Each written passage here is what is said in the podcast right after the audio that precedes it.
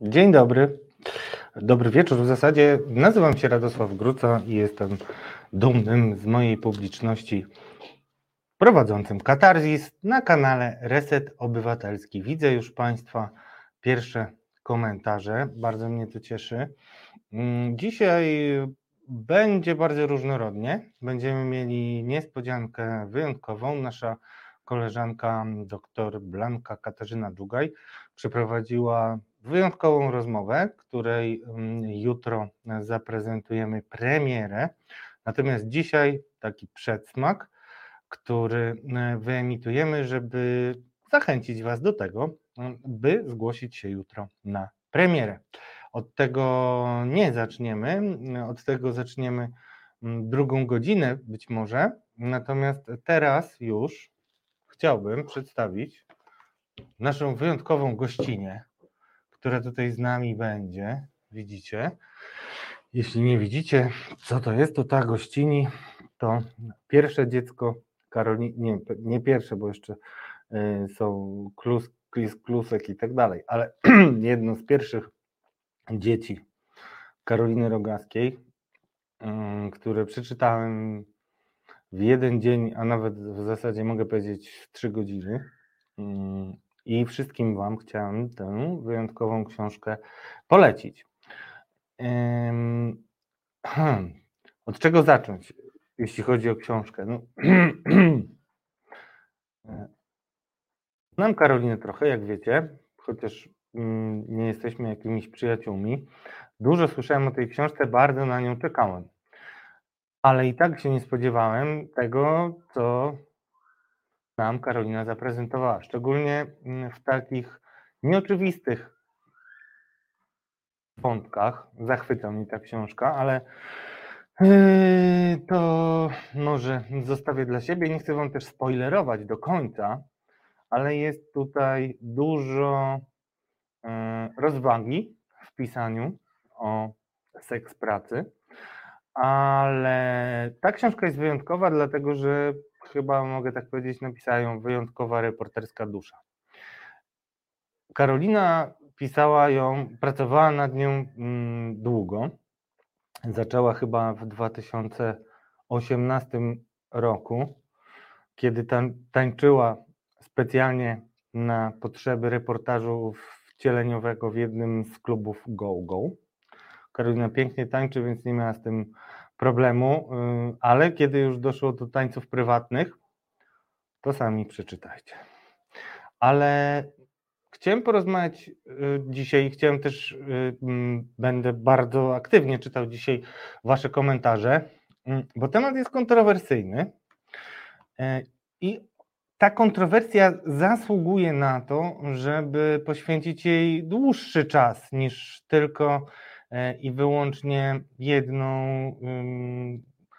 część mojego programu. A chodzi oczywiście o pracę seksualną i chodzi o to, że Karolina jest wielką rzeczniczką e, środowiska pracownic seksualnych.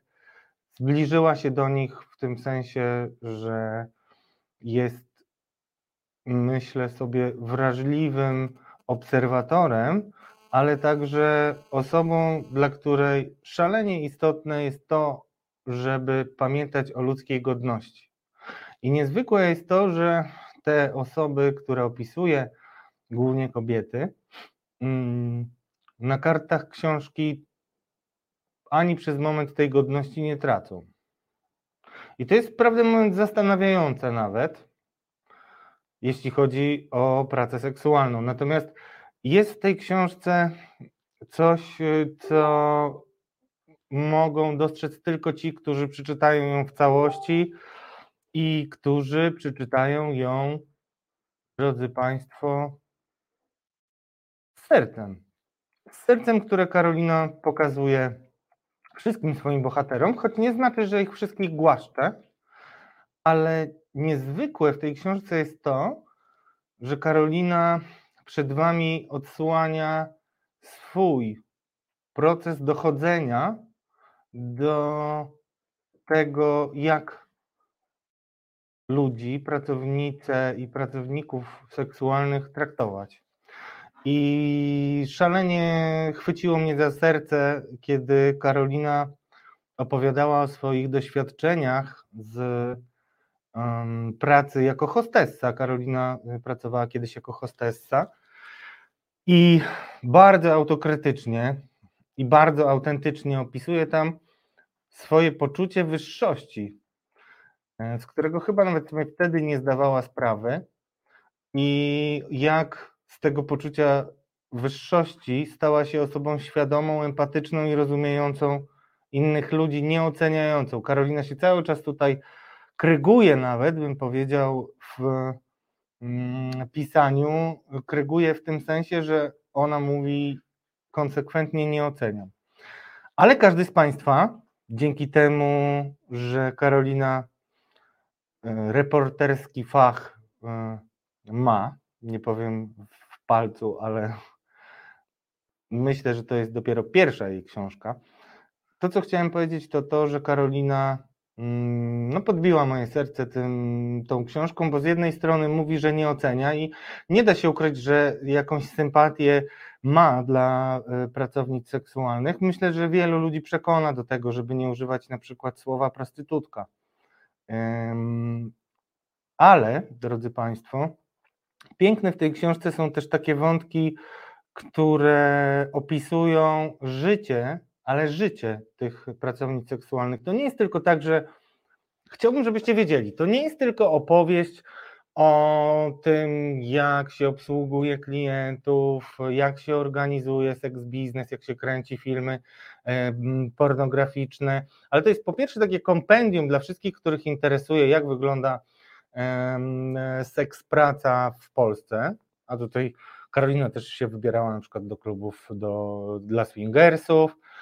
Wszystko to jest opisane z dużą pasją, ale zostawiające takie miejsce do tego, żeby mieć własną ocenę. I to jest najbardziej dla mnie ujmujące, dlatego postanowiłem dzisiaj tutaj Karolinę promować i będę to robił przez y, mm, pewien czas, żeby was, żeby was y, zachęcić do tego, żebyście zapoznali się z tą książką. I jest jeszcze jeden wątek, ja nie będę czytał, bo nie mam takiego głosu jak Karolina. Moim zdaniem wszyscy powinniście chwycić za pióra i, yy, i klawiatury yy, oraz wasze smartfony i napisać mocno, mm, gęsto, dużo komentarzy, żeby zachęcić Karolinę, żeby odczytała wam parę, parę fragmentów swoim wyjątkowym głosem, mm, e, bo myślę, że to może być niezwykłe doświadczenie.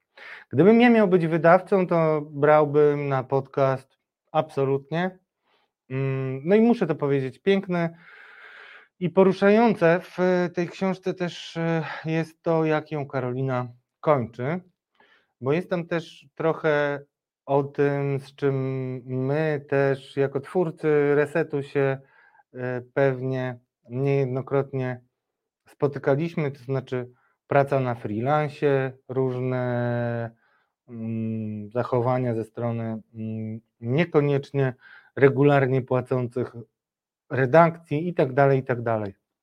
Widać tam takie, widać tam wyjątkowy moment, w którym Karolina była, kończąc tę książkę i chciałbym się z tego miejsca nisko ukłonić.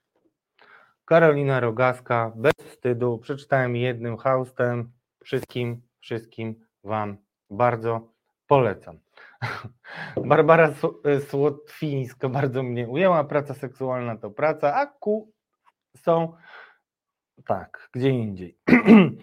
Naprawdę y, temat jest wart zgłębienia i moim zdaniem mm, jeszcze takiej dyskusji, która by mm, realnie i kompleksowo dotyczyła mm, sytuacji pracownic i pracowników seksualnych nie było. W tym sensie, że ja dokładnie pamiętam i też, bo oczywiście czytałem wiele wpisów i to, trochę tekstów Karoliny, zanim przeczytałem jej książkę, natomiast mm, brakowało, brakowało mi trochę drugiej strony, to znaczy miałem takie wrażenie i też się trochę będę bił w piersi, słowo trochę sponsoruje chyba dzisiejszy odcinek, więc nie trochę, ale po prostu biłem się w piersi, kiedy mm, no, widziałem też, jak ja niewiele y, rozumiałem mm, z seks pracy, ale z drugiej strony nie mamy chyba zbyt często jako tacy, że tak powiem, szeregowi zjadacze chleba okazji, żeby poznać perspektywę pracowników e, seksualnych i yy, brakowało mi dłuższy czas, czytając głównie Karolinę, ale też będąc poniekąd y, mimowolnie w lewicowej bańce na mm, portalach społecznościowych i też na Twitterze. I tam mm, miałem takie wrażenie, że zbyt lekko się do tego podchodzi, bo z jednej strony Karolina przeciwstawia się tutaj stereotypom, które mówią o tym, że mm, pracownice seksualne kończą z traumami, że jest to zawsze upadek, etc. Mm, ujmujący jest fragment o tym, jak Karolina relacjonuje relacje dziewczyn tańczących na róże, które opowiadają, że najgorsi są tacy klienci, którzy próbują je zbawiać. Powiem szczerze, jakoś to umiem sobie dobrze wyobrazić. Mm, nie chcę Wam spoilerować, a mógłbym, ale bardzo, bardzo, drodzy Państwo, zachęcam. Mam nadzieję, że Karolina się pojawi. Jak wiecie, zrobiła sobie przerwę, między innymi, jak rozumiem, ze względu na książkę, w spotkaniach z Państwem. Mam nadzieję, że wróci, a jak nie wróci, to absolutnie wszystkim moim kolegom i koleżankom mm, rekomenduję w sensie pozytywnym, bo do niczego nie zmuszam tę książkę i dyskusję. I teraz co chciałem powiedzieć o tej dyskusji. Akurat nie kryję, że zainspirowała mnie do tego moja jedna z moich moja była partnerka, która mm, zwróciła uwagę, że to jest y, tak trywializowane, mm, że praca seksualna, czemu nie? I tutaj też jest taki moment, y, kiedy Karolina pisze o tym, relacjonując y, spotkanie z jedną z kobiet i to też nie pracującą na domówkach ani w żadnych agencjach, tylko, tylko w jakimś innym charakterze i opowiada oczywiście o tych początkach, kiedy się decyduje, mm, kiedy się mm, decyduje na taką pracę, a nie inną. Mm, I, I tam jest takie zdanie, nie będę go cytował, ale tylko dlatego, tylko dlatego, że mi głupio czytać, bo ja jakby y, znając Karolinę, a przede wszystkim będąc amatorem słuchania jej audycji tylko dla jej tembru głosu, y, uważam, że to by była lekka profanacja. Ale adrem i kończąc ten fragment, ten kącik Gruca poleca. W kąciku hmm, powiem tak, bardzo bym chciał posłuchać dyskusji, ale autentycznej dyskusji i to z ludźmi, którzy są nie, mm, nie szukają atencji, nie próbują na temacie pracy seksualnej wypłynąć, bo to się kliknie i tak dalej, tylko z takimi ludźmi, którzy naprawdę mają przemyślane i sprecyzowane, niesprecyzowane, powiedzmy jakoś e, skrystalizowane poglądy odnośnie tego chętnie bym posłuchał takiej dyskusji, gdzie tutaj jest złoty środek, jeśli chodzi o rozmowę o pracy seksualnej w Polsce generalnie. Bo moim zdaniem akurat Karolina, myślę, że to nie było jej celem, ale na pewno Karolina tego złotego środka e, nie dotyka, bo jest na jednym z biegunów. E, mimo, że jeszcze raz podkreślam, zostawia miejsce do oceny i bardzo auto oddziela swoje przemyślenia, przekonania, doświadczenia od tego, co opisuje. I to jest wyjątkowy przykład literatury, którą cenię i którą mogę powiedzieć wyznaję i też kultywuję i praktykuję poniekąd, bo jest ona uczciwa, drodzy Państwo.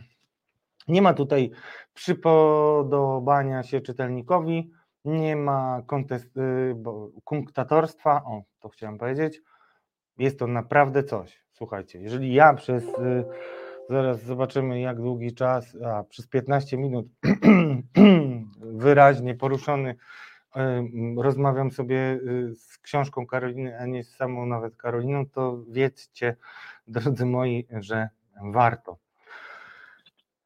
A już za chwilę takie katarzis, jakie znacie na co dzień, czyli znowu zajrzymy w różne yy, nieoczywiste mm, zakamarki naszej polskiej rzeczywistości, a dzisiejszym zakamarkiem będzie Instytut Pamięci Narodowej, ale nie taki Instytut Pamięci Narodowej, o jakim słyszymy na co dzień, tylko taki, który najbardziej przez dłuższy czas emocjonował mm, prawicowych, y, tych takich najtwardszych zwolenników PiSu, którzy właśnie w partii Kaczyńskiego widzieli szansę na to, żeby rozliczyć komunistycznych zbrodniarzy. No jeżeli chodzi o E, nasze grono. Wydaje mi się, że nie ma nikogo, kto by chciał mm, bronić szczególnie e, zbrodniarzy y, zaangażowanych w prześladowania opozycji. Takie autentyczne, nie brakuje ich, mm, umówmy się, bo jest część sytuacji, w których można dyskutować, ale niektóre sytuacje są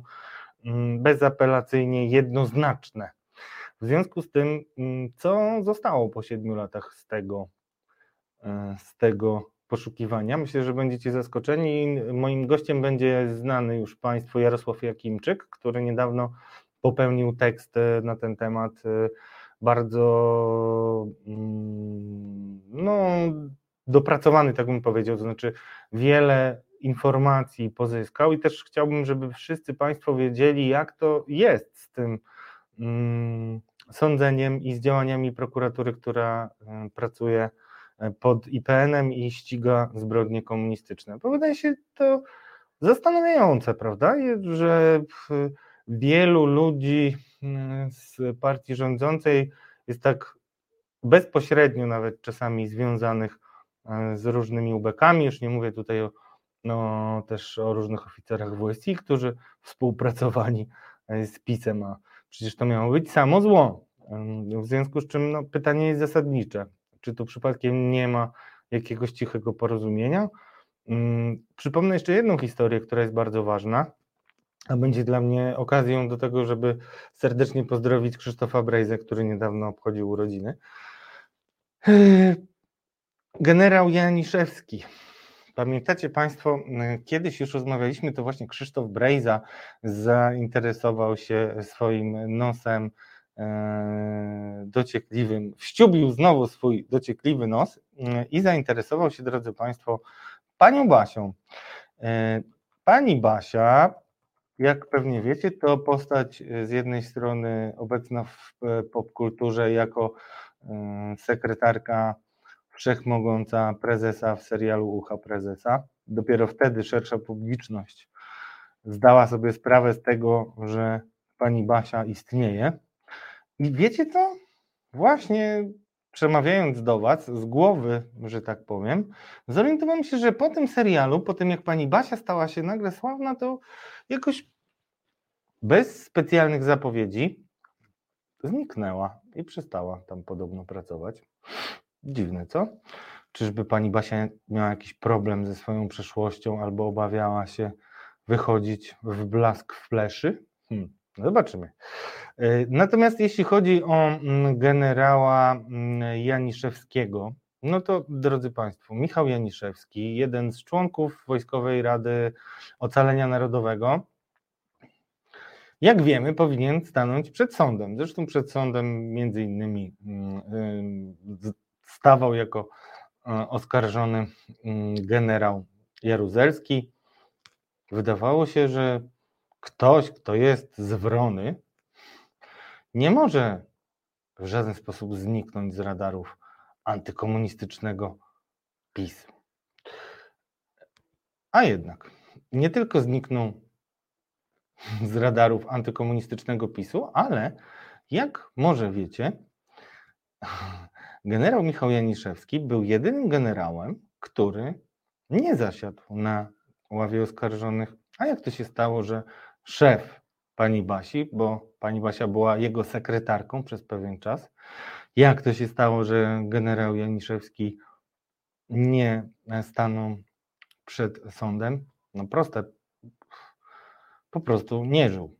To znaczy, tak przynajmniej zakładał Instytut Pamięci Narodowej i to zakładał w momencie, kiedy PiS rządziło pierwszy raz. Zastanawiające? Bardzo zastanawiające.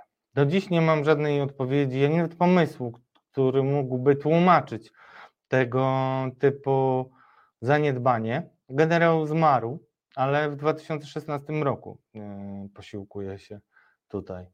Przez kilkanaście lat uznawano go za nieżyjącego. Przypadek? Nie sądzę. Co z innymi zbrodniarzami? Czy macie Państwo przekonanie, że Komisja do spraw ścigania zbrodni komunistycznych dopadła wszystkich? Co robią w PiSie tacy ludzie, jak na przykład pan Kujda, który właśnie wrócił do Ministerstwa nie wiem, czy klimatu, czy środowiska. Przypomnę, był taki człowiek bliski Kaczyńskiemu, który okazał się być TW, teraz trwa jego proces. Jakoś przez lata był bardzo zaufanym człowiekiem od jednych z kluczowych mm, dla istnienia partii PiS przedsięwzięć. Mianowicie był zaangażowany spółkę srebrna i pokrewne mm, sznureczki spółek. I tam był istotną osobą. No, był też oczywiście istotnym mm, zwierzchnikiem e, Funduszu Ochrony Środowiska. Mm, no i cóż, nie przeszkadzało to nikomu. Przypomnę, że cały czas w żaden sposób nie jest rozstrzygnięta kwestia IPN-owskich materiałów dotyczących Antoniego Macierewicza. Odkrycie Tomasza Piątka było bardzo brzemienne w skutki, bo Tomek w swoich kwerendach pokazał bardzo jasno, to co zresztą przy, przyznawał też hmm, Sławomir Cęckiewicz, historyk dobrej zmiany, że biuro studiów było komórką mm, w służbie bezpieczeństwa wyjątkowo uprzywilejowaną. Biuro studiów, czyli to biuro, które, mm, którego dokumenty zachowały się jeszcze w IPN-ie, a które to miało bardzo proste, mm, bardzo proste zadania. Mianowicie kontaktowało się bezpośrednio z GRU. O tym wszystkim będziemy za chwilę rozmawiać z Jarosławem Jakimczykiem. Ja czytam, e, czytam Wasze komentarze. Od razu tłumaczę, e, Karolina Rogaska nie jest naszą gościnią, tylko Karolina Kowalska będzie naszą gościnią. Karolina Kowalska, która właśnie zmieniła barwy i dołączyła do mm, grona dziennikarzy TVN24, co na pewno nie zmieni ani jakości, ani nie spiłuje jej pazura, którym zdrapuje różne narracje dotyczące systemu opieki zdrowotnej. Z nią porozmawiamy o pokojowej Nagrodzie Nobla dla Władimira Putina, który zakończył pandemię, wyeliminował wirusa. Oczywiście e, mówię ironicznie, jeżeli e, nie widać tego e, po całym moim wyrazie twarzy. Będziemy rozmawiać o tym, jak wygląda pandemia i jak wróci, bo osobiście uważam, że nic się nie skończyło zobaczymy, jak będzie dalej, ale jesień wcale nie będzie należała do lekkich. Już się pojawiają do lekkich w sensie epidemiologicznych. Już coraz więcej mówi się o kolejnych szczepionkach, które mają być sezonowe. Mm, I sezonowe. Mówię o szczepionkach na covid tak jak się szczepimy na grypę. Coraz częściej słyszę, nie wiem czy to prawda, spytajmy Karoliny, czy, e, czy będziemy przyjmować szczepionki na COVID, tak jak przyjmowaliśmy szczepionki na grypę. Przypominam, że żadnego przymusu nie ma i nie będzie. Natomiast też y, rząd kompletnie e, poniósł porażkę na całej linii. Nie przekonał społeczeństwa do tego, żeby się szczepiło. Nie dał oporu tym, którzy mm, stosowali obstrukcję w parlamencie i to szeroko zakrojoną obstrukcję e, dla przepisów dotyczących tak zwanej segregacji sanitarnej. To jest wielki sukces e, Anny Marii Siarkowskiej, która właśnie dołączyła do grona polityków Solidarnej Polski. Mm, to wszystko są tematy, które wrócą ze zdwojoną mocą, tak jak wróci jesienią temat wielkiego kryzysu, nie tylko wywołanego epidemią, nie tylko wywołanego mm, COVID-em, ale także fatalną sytuacją gospodarczą naszego kraju. Już dziś o tym mówię, ponieważ słyszę to z bardzo dobrych źródeł. Wrzesień to będzie czarny wrzesień, drodzy Państwo. E, cieszę się, że mm, wiecie o czym rozmawiamy.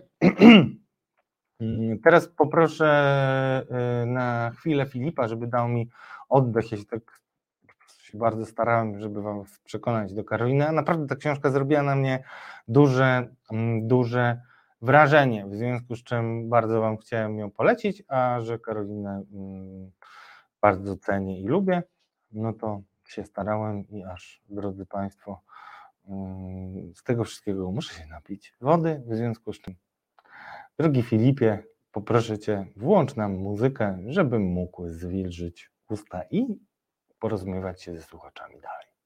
Reset Obywatelski działa dzięki Twojemu wsparciu. Znajdź nas na zrzutka.pl. Witam Państwa, to jest Katarzis na kanale Reset Obywatelski mm, i zapraszam na rozmowę z naszym gościem, który, mm, którym jest Jarosław mm. Jakimczyk. Mam nadzieję. Muszę zmienić e, łącze, bo to łącze jest e, no właśnie. Który właśnie będzie zmieniał łącze, a w międzyczasie ja będę tutaj e, poświęcał się superlatywom, które mam o Jarku do powiedzenia. Jak już Wam pewnie zdradzałem, Jarek Jakimczyk jest ostatnim z moich idoli dziennikarskich, jeśli chodzi o dziennikarstwo śledcze, które było przede mną w zawodzie. I Jarek napisał tekst, w którym pokazuje, że jest jakiś poważny problem mm, z dochodzeniem do prawdy, z dochodzeniem do prawdy mm, w samym IPN-ie. I tutaj, żeby Was wprowadzić, chciałem, żeby to Jarek sam zrobił, ale mm, w związku z tym jest Pan Jarek, no to Pan Jarek zrobi Wam e, dobry e, wstęp i tak zwane entrée. Mm, dobry wieczór, Jarku. O, no, jak Dobry wieczór Państwu. Witam, Jarku. Jarku, to powiedz nam najpierw o tym, Mm, czym jest Komisja Ścigania Zbrodni przeciw państwu polskiemu, tak? Główna Komisja Ścigania Zbrodni przeciwko Narodowi Polskiemu, tak, tak się narodowi. nazywa ten organ. Tak jest. To jest y, taka specjalna prokuratura, która podlega mm, dwóm, e, można powiedzieć, szefom, bo z jednej strony szef tej komisji, jest prokuratorem i jest jednym z zastępców prokuratora generalnego. Z drugiej strony ta komisja jest częścią struktury, funkcjonalnie też jest podporządkowana Instytutowi Pamięci Narodowej. A zatem tutaj no zaraz, e, no dobrze, ale mamy to też prezesa początku, IPN. Od początku, drogi Jarosławie, rozumiem, dajesz e, wymówkę już e, w temacie który mówisz, no bo wiadomo, gdzie, kuchar, gdzie kucharek sześć, tam nie ma co jeść, ale też jest taka metoda zarządzania, że jak jest dwóch szefów, to nawzajem można na siebie zwalać i ta odpowiedzialność gdzieś zostaje na trzecim, który nie istnieje. Tam sytuacja jest jeszcze bardziej złożona, bo szef tej głównej komisji ścigania zbrodni przeciwko narodowi polskiemu, któremu podlegają prokuratorzy PN e, w kilkunastu oddziałach oraz y, w delegaturach dodatkowo, więc tych jednostek jest łącznie ponad 20. Y, otóż ten szef głównej komisji jest jednocześnie prokuratorem sprawującym nadzór nad biurem lustracyjnym IPN. Więc wszyscy prokuratorzy, którzy zajmują się prowadzeniem y, postępowań lustracyjnych, one się toczą zgodnie z procedurą kodeksu postępowania karnego, jak każde inne śledztwo, podlegają też szefowi Głównej Komisji Ścigania Zbrodni przeciwko Narodowi Polskiemu. Chociaż biuro lustracyjne nie jest w strukturze tej Głównej Komisji, tak jak te jednostki terenowe, oddziałowe komisje i te referaty przy delegaturach IPN. Hmm? To e, a zrób nam taki rys historyczny, proszę cię. Nie wiem, czy słyszałeś na początku, żeby wprowadzić Państwa w mm, temat i pokazać jego rangę, przypomniałem, że PiS był tą partią, która szła do wyborów i zawsze jako taki jeden z fundamentów swojej tożsamości wskazywała to, że jest absolutnie antykomunistyczną partią. Często się powołuje w retoryce na o, na przykład Joachim Brudziński, który pomógł prezesowi i kiedy prezes powiedział cała Polska was się śmieje, to było komuniści i złodzieje, więc nic lepszego nie przyszło do głowy, czyli to tak jest naturalne, ale jak to jest w praktyce, bo mm, przypomniałem ekstremalny przypadek, o którym też rozmawialiśmy, ponieważ mój przyjaciel drogi ma y, obsesję trochę małą na jego y, punkcie, na punkcie tego przypadku i bohatera tego przypadku, czyli generała Janiszewskiego, kiedy IPN, czyli ta sama instytucja, rozumiem, i być może nawet podobni ludzie, zgubił y, generała Janiszewskiego, to znaczy uznał go za martwego. To jest dość ciekawy case E, bo jako jedyny nie staną przed sądem. E, nie chcę, żebyśmy o tym rozmawiali, bo chcę rozmawiać o, o Twoim tekście, e, ale ten kontekst jest dla mnie istotny, ponieważ ja mam cały czas przemożną potrzebę rozliczenia zbrodni komunistycznych a z drugiej strony mam coraz mniejszą nadzieję na to, że to się stanie, szczególnie zarządów PiS, chociaż ty próbowałeś mnie trochę uspokajać i mówiłeś o tym, że y, poprzednicy wcale nie byli lepsi. Zapamiętałem to, więc od razu y, się mm, od razu się poprawią. Bo tylko poprzednicy nie byli lepsi, tylko czas upływa, upływa no czas, czas i umierają Zarówno Dokładnie. ofiary, jak umierają sprawcy zbrodni komunistycznych. Czyli robi się to coraz bardziej palącym problemem. Jeżeli mamy zdążyć, to być może to jest last minute i ostatni dzwonek, tak? I jak to jest tym ostatni wszystkim... dzwonek. No właśnie, i kiepsko było z tym za prezesa Szarka, któremu poza rękoma na szyję mam bardzo wiele do zarzucenia. Nie chodzi tylko o bizantyjski styl sprawowania rządów w IPN-ie, ale wiele innych rzeczy. Natomiast przyszedł nowy y, szef IPN-u i on właśnie podzielił się z opinią publiczną taką deklaracją, która mocno cię zdziwiła. A nie wiem, czy Państwo wiecie, najlepsze materiały dziennikarskie, także w dziennikarstwie śledczym, powstają, kiedy dziennikarz śledczy czemuś bardzo się zdziwi.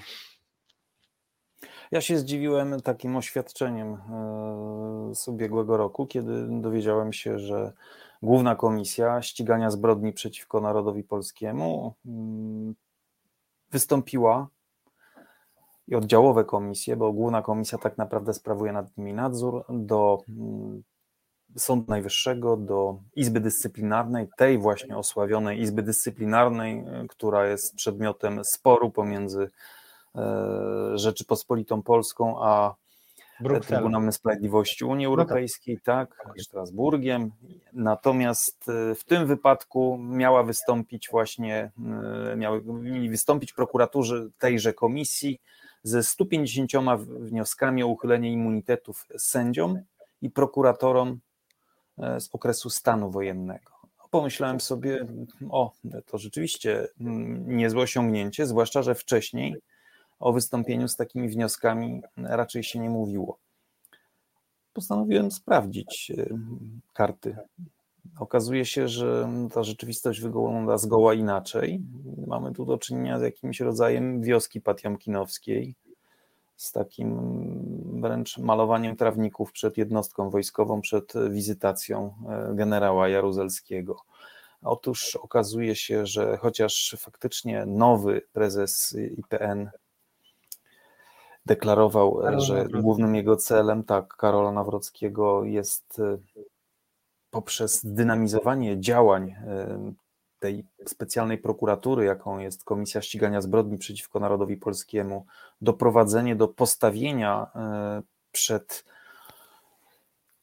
organami wymiaru sprawiedliwości osób odpowiedzialnych za zbrodnie komunistyczne, zwłaszcza zbrodnie z lat 80., z okresu stanu wojennego, a w celu przywrócenia tak zwanej sprawiedliwości transformacyjnej, czyli tego takiego poczucia u szarych zjadaczy chleba, u maluczkich, że te krzywdy, które zostały im wyrządzone przez osoby działające niezgodnie nawet z komunistycznym prawem, łamiące praworządność, będą osądzone, chociażby symbolicznie, po tylu latach. okazało się, że nie ma żadnych 150 wniosków o uchylenie immunitetów. Tych wniosków, kiedy zacząłem badać tę sprawę na początku roku, bieżącego roku, no było raptem zaledwie kilka. Najwięcej wniosków wysłała oddziałowa komisja ścigania zbrodni przeciwko narodowi polskiemu ze Szczecina, a pozostałe oddziałowe komisje wysyłały już pojedyncze, dwa wnioski na przykład. I łącznie, gdy zamykałem artykuł, już po uzyskaniu stanowiska od y, Głównej Komisji Ścigania Zbrodni przeciwko Narodowi Polskiemu, od y, rzecznika Instytutu Pamięci Narodowej, było tych wniosków 19. Y, Wszystkich razem. No, dobrze Potem słyszałem? No, 19, nie 150, tylko 19 w skali całego kraju. To skąd się wzięła ta liczba 150? Najwyraźniej prezes IPN został wprowadzony w błąd. Tak, z sufitu. Bo tak patrzyłeś w niebo, rozumiem, tak, że mi się tak skojarzyło. No dobrze, ale to w czym jest problem tak naprawdę? Bo Jarek, ty się zajmujesz tym od lat, jakby e, dla mnie to ty jesteś już trochę częścią IPN-u, tak często tam siedzisz, nie wiem. Raz, e, skąd te wszystkie problemy? Tym bardziej, że to jest władza, która powiedziała nie imposybilizmowi. I w tym wypadku mm, wcale nie ironizuje, ponieważ mm, przynajmniej, o, jeżeli mówimy o choćby jakiejś, y, jak ty to powiedziałeś, symbolicznym ukaraniu, no to tak symbolicznie y, ta prokuratura rządzona przez Zbigniewa Ziobrę, wiem, że dwóch szefów, tak, wszystko wiem, ale generalnie prokuratorzy mają takie mm, no, przyzwolenie na to, żeby dość swobodnie pisać przynajmniej zarzuty, tak. Z aktem oskarżenia to jest już tak gorzej, bo one jakoś nie dochodzą specjalnie często ani y, szybko do sądów. No i pytanie, czym jest problem? Problem jest w tym, że e, szef tej komisji do tej pory e, nie wydał żadnych wytycznych dla prokuratorów, dla swoich podwładnych, jak mają działać w tych szczególnych sprawach. A prokurator e, to nie jest sędzia. Prokurator jest organem, który ma swojego szefa, musi realizować pewną politykę i nie mówimy tutaj o polityce w tym potocznym rozumieniu, ale mówimy o polityce instytucji, o, która wynika z pewnej pragmatyki, wynika z przepisów prawa, e, z różnych e, okoliczności, z różnych przesłanek. W każdym razie powinny być wydane wytyczne, jak działać, e, co jest priorytetem, podczas gdy zamiast tych wytycznych na piśmie nie ma y, niczego, co można byłoby jakoś sparametryzować, skonkretyzować. Są natomiast różnego rodzaju spotkania, e, które mają charakter mm, służbowo-towarzyski, bo trudno inaczej nazwać jakieś kursokonferencje, szkolenia, tak jak to, które odbyło się parę tygodni temu w ośrodku na Półwyspie Helskim, gdzie byli zaproszeni a właściwie musieli być obecni prokuratorzy z wszystkich terenowych e, struktur tejże komisji, ale to nie przynosi żadnych efektów. To się od lat powtarza. Mówi, że trzeba ścigać, ścigajmy, ale nic z tego nie wynika, jak widać. To znaczy, góra urodziła mysz dotychczas. Gdy ja się zainteresowałem zacząłem stawiać pytania, pytałem o, o liczby podając daty od kiedy do kiedy mniej więcej, jaki okres mnie interesuje. Chciałem wiedzieć, czy nastąpiła rzeczywiście jakaś dynamika, czy jest przyrost liczby tych wniosków od momentu, kiedy nowy prezes IPN objął stanowisko. No okazało się, że mm, te wyniki raczej nie przynoszą chluby, jeśli chodzi o liczbę skierowanych wniosków o uchylenie immunitetu, w tym sędziom i prokuratorom łamiącym praworządność w okresie PRL, nie przynoszą chluby Głównej Komisji Ścigania Zbrodni przeciwko Narodowi Polskiemu.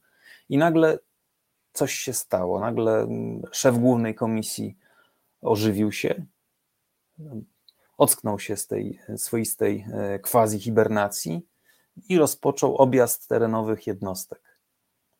Przyjeżdżał, spędzał po dwa dni w jednej, w drugiej mm, komisji. Mm, mówił, że trzeba ścigać, że trzeba zdynamizować działania przypominało to trochę mm, takie wizyty towarzyszy z centrali, z Komitetu Centralnego, przyjeżdżających e, w okresie PRL z gospodarską wizytą do Tak. struktur terenowych. Usole ideologiczne jakby ustawia, ustawiali wtedy, a teraz rozumiem, zagrzewają się do pracy. Nie, ale mówiąc zupełnie poważnie, znaczy, bo można sobie szydzić i tak dalej, ale mnie to autentycznie boli. Powiedz mi, Jarek, ty jesteś mądrzejszy ode mnie i troszkę starszy. y, Czy były jakieś y, realne wyroki dla zbrodniarzy komunistycznych? Tak patrząc. Tutaj wiesz, mówimy wyłącznie o tych. Ja się skupiłem w tym wypadku na bardzo specyficznej kategorii, mianowicie na prokuratorach i sędziach, czyli tych funkcjonariuszach państwa komunistycznego, których chroni nieustannie immunitet. I ten immunitet, żeby ich postawić mm, przed e, wymiarem sprawiedliwości, przed sądem, pociągnąć do odpowiedzialności, musi zostać uchylony. A do tej pory mm, tych immunitetów nie uchylano. Teraz mamy sytuację, w której pięć bodajże immunitetów prawomocnie już uchylono. Pięć Ale komu? immunitetów w skali kraju. No ale Sędziom tak, i prokuratorom okresu stanu wojennego. a którym sędziom? Wojskowym. Ale nie To tylko. są, to są przypadki, to są przypadki, w których, w których e, mówimy o takich sędziach, o takich prokuratorach, którzy posłali do więzienia bezwzględnego, bezwarunkowo osoby proste, ubogie, często jakichś działaczy mm, podziemia solidarnościowego, uczniów e, szkoły zawodowej, liceum, młodego robotnika, nie osoby znane, nie takie, o których by zaraz mówiła e, rozgłośnia Polska, Radia Wolna Europa, z dala od zachodnich korespondentów, od takich wielkich ośrodków jak y, Warszawa, Kraków, Wrocław, tylko czy Gdańsk tamtych czasów, tylko od jakichś ośrodków prowincjonalnych. Jarku, ale czytam komunikat z dnia dw- 2 lipca 2021 i nie kryję, że jak powiedziałeś o tych sędziach, to od razu sobie skleiłem to z jednym wątkiem mocno nagłaśnianym w, pro, w prorządowych mediach, czyli sędzim Iwulskim. A tak owszem, No jest właśnie. wniosek właśnie o uchylenie immunitetu również e, sędziemu mm, Iwulskiemu, który jak wiadomo był absolwentem e, szkoły oficerów rezerwy Wojskowej Służby Wewnętrznej, czyli takiego organu, który w PRL od 1957 roku był jednocześnie i kontrwywiadem wojskowym i żandarmerią wojskową. I w późniejszym okresie, kiedy już e, był on sędzią, właśnie miał dopuścić się według prokuratury IPN przestępstwa, no, które określa się według ustawy mianem zbrodni komunistycznej, czyli łamania e, praworządności. No, no, łamanie praworządności jest tutaj określane mianem zbrodni komunistycznej. Wiesz, dlaczego podaję przykład sędziego Iwulskiego? Nie dlatego, że się zapisuje do tego grona ludzi, którzy moim zdaniem z bardzo różnych pobudek krytykowali generalnie lustrację, IPN i tak dalej, i, mm, bo nie, bo jestem daleki od tego. Ale na przykład mm, muszę przytoczyć opinię profesora Strzembosza, który jest często krytykowany przez te prawicowe środowiska, szczególnie po tym, jak się mm, e, wypowiada w sprawie e, zmian, jakie w sądownictwie wykonał mm, Zbigniew Ziobro. E, Kiedyś tak nie było, prawda? Kiedyś profesor Strzembosz był też dla prawicy dużym autorytetem. Ale teraz sędzia Józef Iwulski jest prezesem Izby Pracy w Sądzie Najwyższym i też jest wśród tych sędziów, którzy znaleźli się na celowniku, no mogę tak powiedzieć, PiSu. I akurat jemu, mimo że czyn, zaraz też y, Państwu dokładnie powiem, y, miał miejsce dawno y, temu, bardzo, czyli że było wiele lat teoretycznie przynajmniej na to, żeby się tym zająć, ale akurat w lipcu 21 roku zajęto się mm, tą historią. Dlatego o tym mówię, że chciałem, żebyś się wypowiedział, y, jak, czy, ty nie, czy to by się nie wydaje przypadkiem, że znowu tutaj Nie wiem z jakich przyczyn, ale znowu tutaj nasza władza mobilizuje się wtedy, kiedy chodzi o ich przeciwników politycznych. Natomiast jeśli chodzi o takich prokuratorów, to przykład oczywiście, bo nie mam dowodów na zbrodnie komunistyczne tejże osoby, ale komunistyczny prokurator Piotrowicz, obrońca y, pedofila z Tylawy i też wiele innych ma zasług jest dzisiaj sędzią Trybunału Konstytucyjnego i to nie ma problemu. Więc najpierw chciałem Cię spytać, z czego, znowu wracam z tym pytaniem. Jeżeli tak łatwo można mm, stworzyć wniosek o uchylenie immunitetu niewygodnemu dla władzy sędziemu, to czemu tak łatwo nie można na przykład pod wpływem presji medialnej spowodować, że tych mm, wniosków będzie więcej?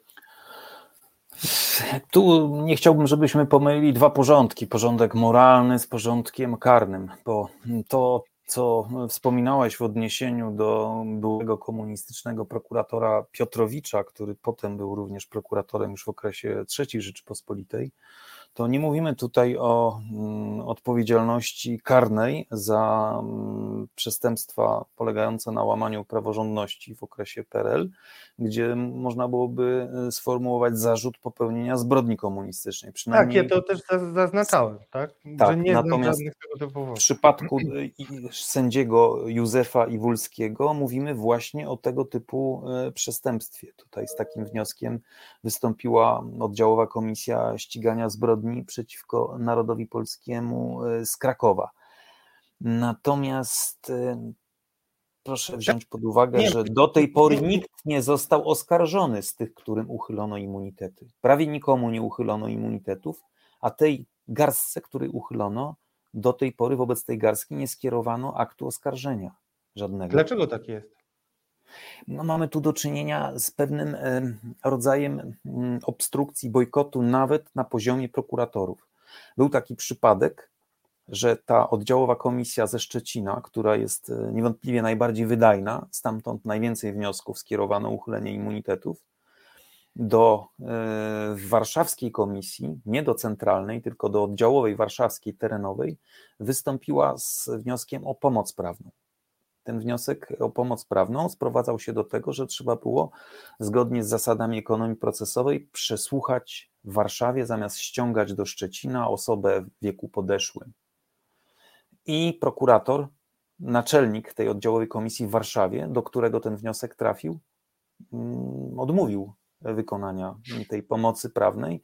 Miał się tłumaczyć e, właśnie tym wyrokiem e, Trybunału Sprawiedliwości Unii Europejskiej dotyczącym e, niekonstytucyjności tego organu, jakim jest Izba Dyscyplinarna Sądu Najwyższego. Mm, tutaj jego zwierzchnicy, E, rzecznik e, tejże głównej komisji, która nadzoruje oddział w Warszawie, e, twierdził, że tak naprawdę to w istocie to chodziło o coś innego, o to, że mm, nie miał ten prokurator akt tak, tego śledztwa i w związku z tym nie mógłby uzasadnienia zarzutu przedstawić temu podejrzanemu, któremu ten zarzut miał być postawiony. A wiemy z pragmatyki prokuratury, to są opinie doświadczonych wieloletnich prokuratorów, że w takiej sytuacji i tak to uzasadnienie zarzutu nie jest przedstawiane. Jeżeli podstawi się komuś zarzut, to zwykle mm, potem występuje się o to, żeby to uzasadnienie było przedstawione na piśmie i to był zwyczajny, mówiąc językiem potocznym, wykręt ze strony tego prokuratora, który e, bacznie śledząc barometr polityczny, uznał, że lepiej prawdopodobnie nie zajmować e, takiego stanowiska w tej sprawie i mm, uchylić się, bo tak będzie wygodniej, bezpieczniej, pozostanie neutralny do mm, jego szefa, tego, który nadzoruje całość tej struktury, jako mm, szef Głównej Komisji Ścigania Zbrodni przeciwko narodowi polskiemu, w tej sytuacji należało raczej wszcząć postępowanie dyscyplinarne, bo mm, i zbadać, czy przypadkiem nie nastąpiło tutaj przewinienie o charakterze dyscyplinarnym ze strony podwładnego. Ale tak się nie stało, to nie nastąpiło. Natomiast ten prokurator został po cichu e, zesłany z Warszawy do Olsztyna. Ale ja czegoś nie rozumiem ciągle i rozumiem, że zachowujesz dużą wstrzemięźliwość w ferowaniu wyroków, bo znam cię z tego bardzo dobrze i to cenię. Dlatego lubię z tobą rozmawiać nieoficjalnie. Ale y, ja spróbuj się zastanowić, co tam się tak naprawdę wydarzyło. Jak już nie mówimy o tekście, tylko trochę spekulujemy, bo ja tego nie rozumiem i też chciałem zacytować Państwu odpowiedź na e, Twoje pytania, taką odpowiedź, że tak powiem, pachnącą przekazami dnia. Mm, I odpowiedź, którą przygotował prokurator Robert Janicki, jest taka: przed utworzeniem Izby Dyscyplinarnej Sądy, Sądu Najwyższego żaden z kilkudziesięciu wniosków prokuratorów o uchylenie immunitetu sędziów i prokuratorów nie został uwzględniony, co skutkowało koniecznością umorzenia śledztw tej kategorii spraw. Czyli widać, że tam nawet wśród prokuratorów tak zwanych IPN-owskich, czyli tych prokuratorów, którzy pracują dla komisji, ciągle też jest e, temat e, no, temat walki ze złym patologicznym, z kastą, o tak można powiedzieć, to jest wylansowane przez PiS E, pojęcie. Temat walki z kastą cały czas e, funkcjonuje. No i dlatego nieco złośliwie, a może po prostu dociekliwie, pytam Ciebie o to. Izba Dyscyplinarna e, działa już dość długo. I co? Czy to nie powinno, tak przynajmniej na logikę pana Janickiego, mają izbę dyscyplinarną, tam do tej izby między innymi się musieli przed nią E, stawiać e, Igor Tuleja i kilku jeszcze sędziów, którzy kwestionują różne decyzje tej władzy i na pewno orzekają nieprawomyślnie. I co? I co? Dlatego Cię pytam o to, żeby to było jasne, że ja widzę metodę rządów PiSu, która wygląda tak. Zdejmujemy sobie wszystkie ograniczenia, wszystkie kajdanki, bo tamte były, nie wiem, układy, zmowy i tak dalej, a potem jest albo tak samo beznadziejnie, a niejednokrotnie gorzej. Możemy się zastanawiać, czy nie mamy tutaj e, przypadkiem do czynienia z rodzajem strajku włoskiego ze strony części e, korporacji prokuratorskiej i tych jej przedstawicieli. Mówię o tych przedstawicielach, którzy właśnie, tak jak wspomniany wcześniej, były naczelnik z Warszawy czy inni, e, nie chcą wcale występować przeciwko mm, nestorom swojego środowiska i kierować przeciwko nim wniosków o uchylenie immunitetu do Izby, co do której podstaw e, konstytucyjnych funkcjonowania organ Unii Europejskiej przedstawił e, swoje e, wątpliwości w sposób dość jednoznaczny. Czy Mamy tu z drugiej strony deficyt y, politycznego e, nacisku, parcia, które, jeżeli jest takie zapotrzebowanie, tak jak było w przypadku sędziego Tulei, to wtedy ta egzekucja następuje niemalże błyskawicznie, jak za dotknięciem czarodziejskiej różdżki, i wszystkie procedury, jak po sznurku, są realizowane płynnie. Tutaj zaś no nie ma takiego interesu, bo kogo w istocie jaki jest y, polityczny uzysk z tego, że pociągnie się do odpowiedzialności karnej jakiegoś emerytowanego mm, sędziego sądu y, Pomorskiego Okręgu Wojskowego z Bydgoszczy na przykład, czy prokuratora y, ze Słupska, którym nikt w skali kraju nie pamięta, nie wie kto to jest, nie, nie no, ma tego elementu teatralności, nie ma tego spektaklu politycznego, tego, Jarek, co można pokazywać w czołówce. No, nie wiem, ty się urządziłeś w tym miejscu, w którym ciemnym, w którym yy, najgorzej, że jesteśmy, ale dobrze, że się jeszcze nie urządzamy, bo tak mówisz, okej, okay, tylko być może taka jest prawda w ogóle o tej działalności prokuratorskiej, chociaż bolesna, że jeżeli nie ma show i nie ma spektaklu, to nie ma sprawiedliwości. Natomiast ja tak na szybko będę zaraz jeszcze szukał, ilu prokuratorów tam pracuje i to nie są ludzie, którzy są obłożeni jeszcze innymi obowiązkami. Oni tam idą po to właśnie. Znaczy ja wiem o tym, znam na przykład przykład e, przykład mm, teraz zapomniałem, ale znałem prokuratora, który zajmował się lustracją jednego z polityków SLD i opowiadał mi, jakie były materiały mm, w, mm, jako dowody na to, że dopuścił się kłamstwa lustracyjnego. No i te dowody nie znalazły oczywiście uznania w mm, oczach sądu. Ja to rozumiem. No niemniej jednak, znaczy rozumiem, że jakby też był pewien opór w sądach, no ale teraz tak, jest ta Izba Dyscyplinarna, która rzadko kiedy nie spełnia oczekiwań, tak to nazwijmy, bo w zasadzie są to na palcach y, chyba jednej ręki przypadki, które y, pokazują, że Izba może suwerennie podjąć jakąś decyzję, nie pomyśli y, partii rządzącej. No ale ty mówisz, co z tego, że, y, że Bydgoszcz, ale też y, jakiś tam sędzia, no ale to jednak jest istotna rzecz i też jakby zwracam uwagę jeszcze na to, że to nie jest wcale tak, że na przykład taki pan y, jak pan Borowski, taki honorowy prezes, czy znaczy był opozycjonista, który też Adam Borowski. Tak, jest, no, jest wartościowym człowiekiem, pomaga Czeczeńcom, i jest tak. takim tak. autentycznym antykomunistą. I jest dużo takich ludzi y, w PiSie jeszcze, ci, którzy żyją. I oni mają dyskomfort z tym, a ta władza, na którą oni um, postawili, tak to nazwę, jakoś nie, nie realizuje tych oczekiwań. I, i... Mają dyskomfort, ponieważ wiedzą, że ta władza, na którą postawili, nie realizuje tych oczekiwań, bo ma inne priorytety, a każda inna będzie uważała ten e, zakres działalności państwa za zupełnie nieistotny czy wręcz zbędny. Także ich Ale... sytuacja jako tych no, spadkobierców, takich e, dziedziców antykomunizmu jest raczej rozpaczliwa i przygnębiająca. No, antykomunizm, jak mawia zawsze Sławomir Cęckiewicz, jest sierotą.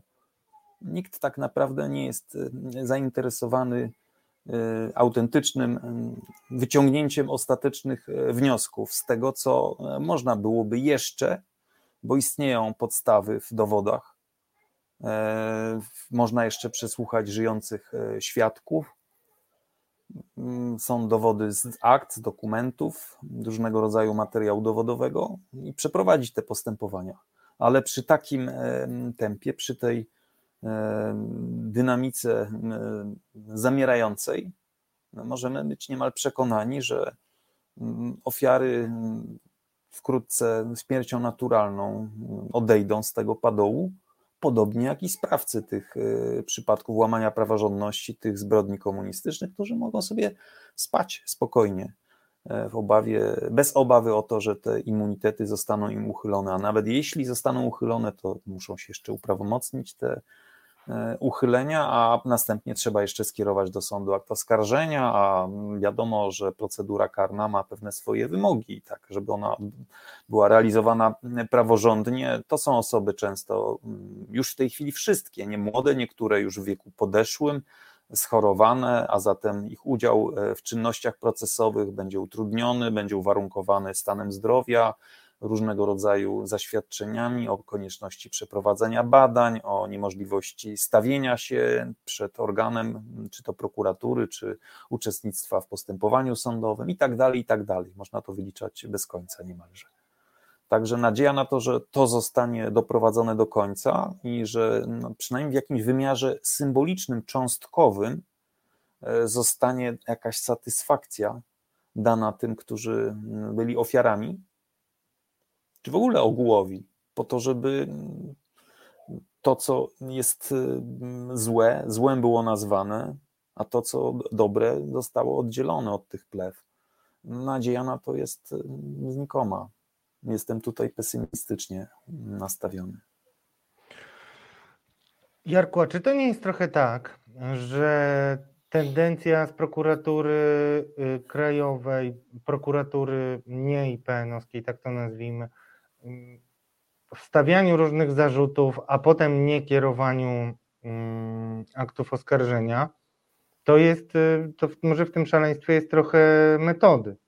To znaczy, ja wrócę tutaj, wiem, że nie jesteś zwolennikiem i nawet y, teorii spiskowych różnych i nawet y, uważasz, że trzeba wiele z nich wygaszać, ale no, nie mogę się jednak nadziwić temu, tej historii generała Janiszewskiego, historii komisji weryfikacyjnej, mówimy tutaj cały czas o dokumentach, które mogą mieć dokumentach IPN-owskich, które mogą mieć, zgodzisz się ze mną, statut kompromatów dla wielu ludzi.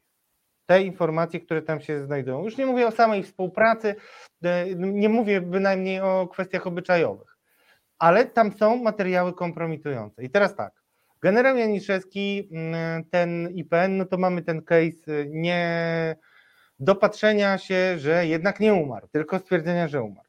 W, jeśli chodzi o komisję weryfikacyjną, mamy dziwne historie, tak zwaną niby aferę marszałkową. Tam jest pan Sumliński, też osoba y, wątpliwej jakości dziennikarskiej, tak bym powiedział co najmniej, e, i tak dalej. Ostatnio znowu wiem, mm, że jesteś sceptyczny do tego i zakładam, że y, należy ten sceptycyzm mieć rzeczywiście. Ale znowu była historia, gdzie mm, były prezydent y, organizacji pracodawców wskazywał na to, że, moż, że mógł być szantażowany przez bardzo konkretną e, osobę z obozu y, władzy. Już nie mówię o nagranych rozmowach, o książkach, które mogłyby się nie ukazać i tak dalej, i tak dalej, które też gdzieś tam w tle mają y, potencjalne, nazwijmy to, no, nie nowe, ale nie nowe w tym sensie, że nie y, znajdujące się nigdzie poza IPN-em, tylko nieznane dokumenty, które gdzieś tam w IPN-ie są. No, czy ty nie widzisz tutaj pewnej y, prawidłowości, bo jednak czy rządziło SLD, czy rządziła Platforma y, jak w stylu ciepłej wody w kranie, no to nie słyszało się o takich historiach, że ktoś mógłby w ten sposób dla własnych korzyści grać teczkami. To jest kwestia lustracji. To y, jest w gestii e, biura lustracyjnego, ale w Znaczy, ogóle wiesz, to. ale nie, wiesz o co chodzi. Wiesz, znaczy, bo ja mówię o tych dokumentach. Nad Tak. tymi dokumentami ma pieczę dzisiaj PiS, ewidentnie. Y, Były postulaty, bo tutaj są dwie rzeczy, tak? Jeśli chodzi o same ściganie zbrodni, to jest jedna, o tym rozmawialiśmy. Jest też kwestia lustracji, y, która dotknęła między innymi pana Kujdę i wielu innych też mogłaby być może dotknąć, gdyby ten y, niby odtajniony zespo, y, y, zbiór zastrzeżony był realnie zbiorem otwartym, a jest z tym trochę różnie. I, nie ulega wątpliwości, że tego jest zbyt dużo. Czy tutaj PiS, czy w PiSie widzisz jakieś siły, albo czy znajdujesz, dobrze, dam Ci wolne pole, czy znajdujesz jakieś wytłumaczenie dla y, tych przypadków, poza tym, że oczywiście przypadki chodzą po ludziach? Nie, że te nie przypadki znajduję. towarzyszą PiSowi.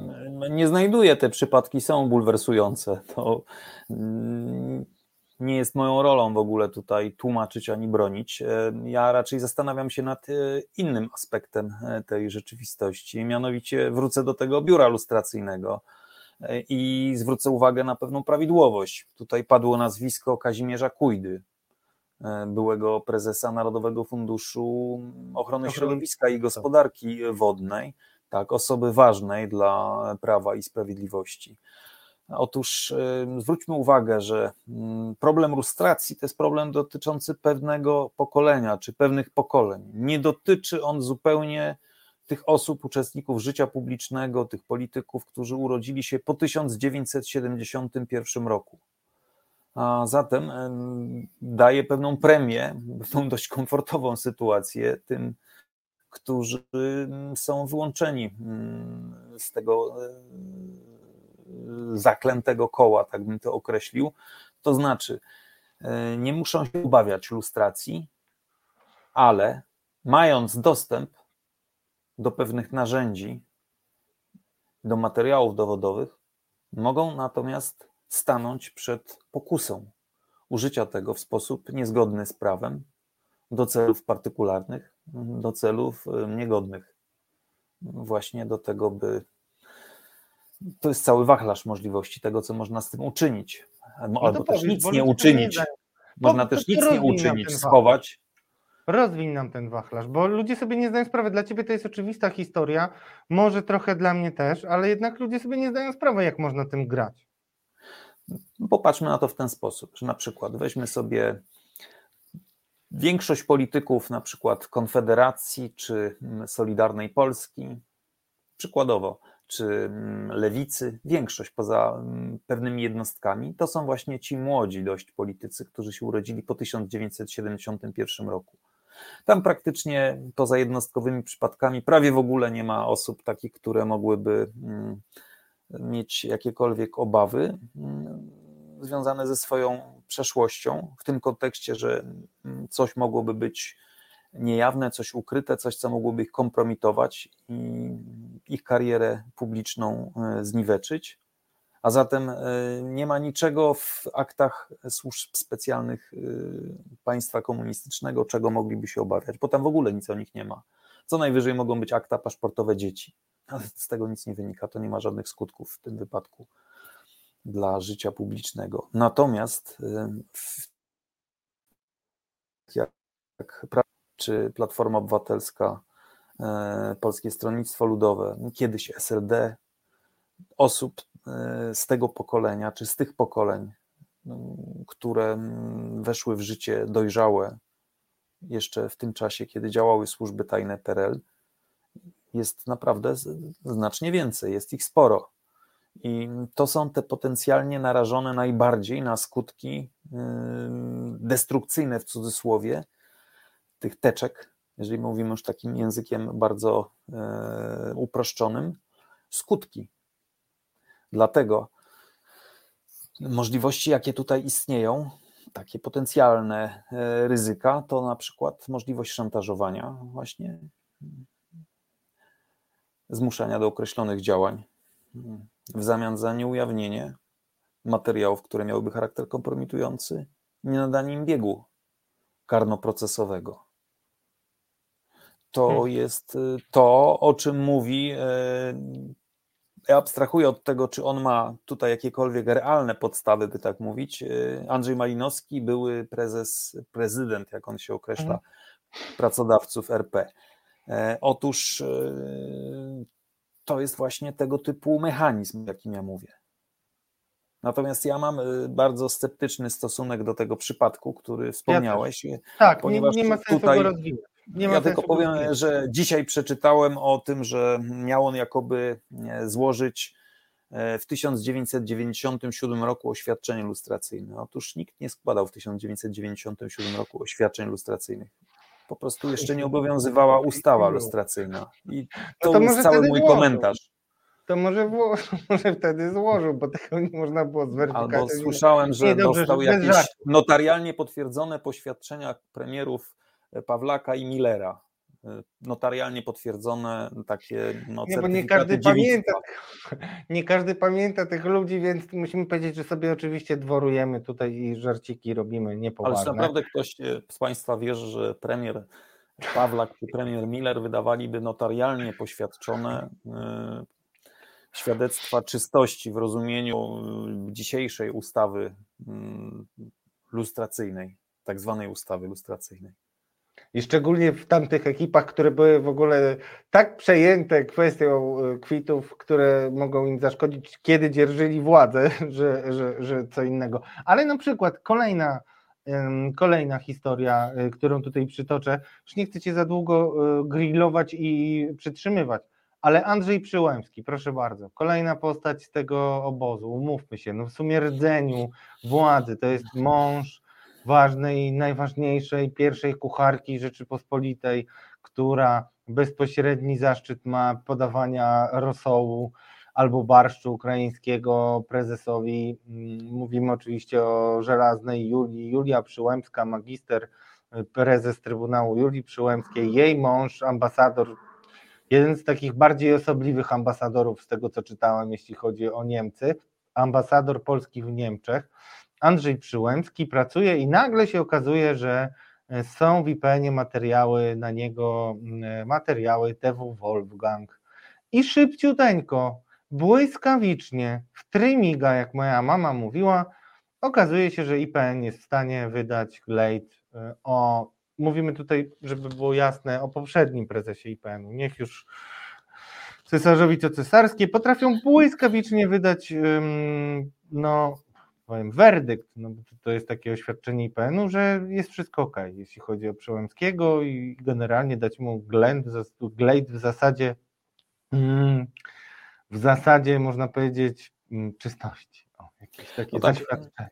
Tak. W czasach, gdy prezesem IPN był mm, dr Jarosław Szarek, ta instytucja, ja rozumiem, że ta instytucja budzi kontrowersje, bardzo dzieli opinię publiczną, a jednak dysponowała jakimś e, autorytetem ze względu na mm, dorobek naukowy niektórych mm, badaczy pracujących pod jej egidą, ogólnie na różnego rodzaju działania, które były podejmowane przez ten organ, to ten e, autorytet został, ten kredyt zaufania publicznego został roztrwoniony w tym okresie niemal do cna.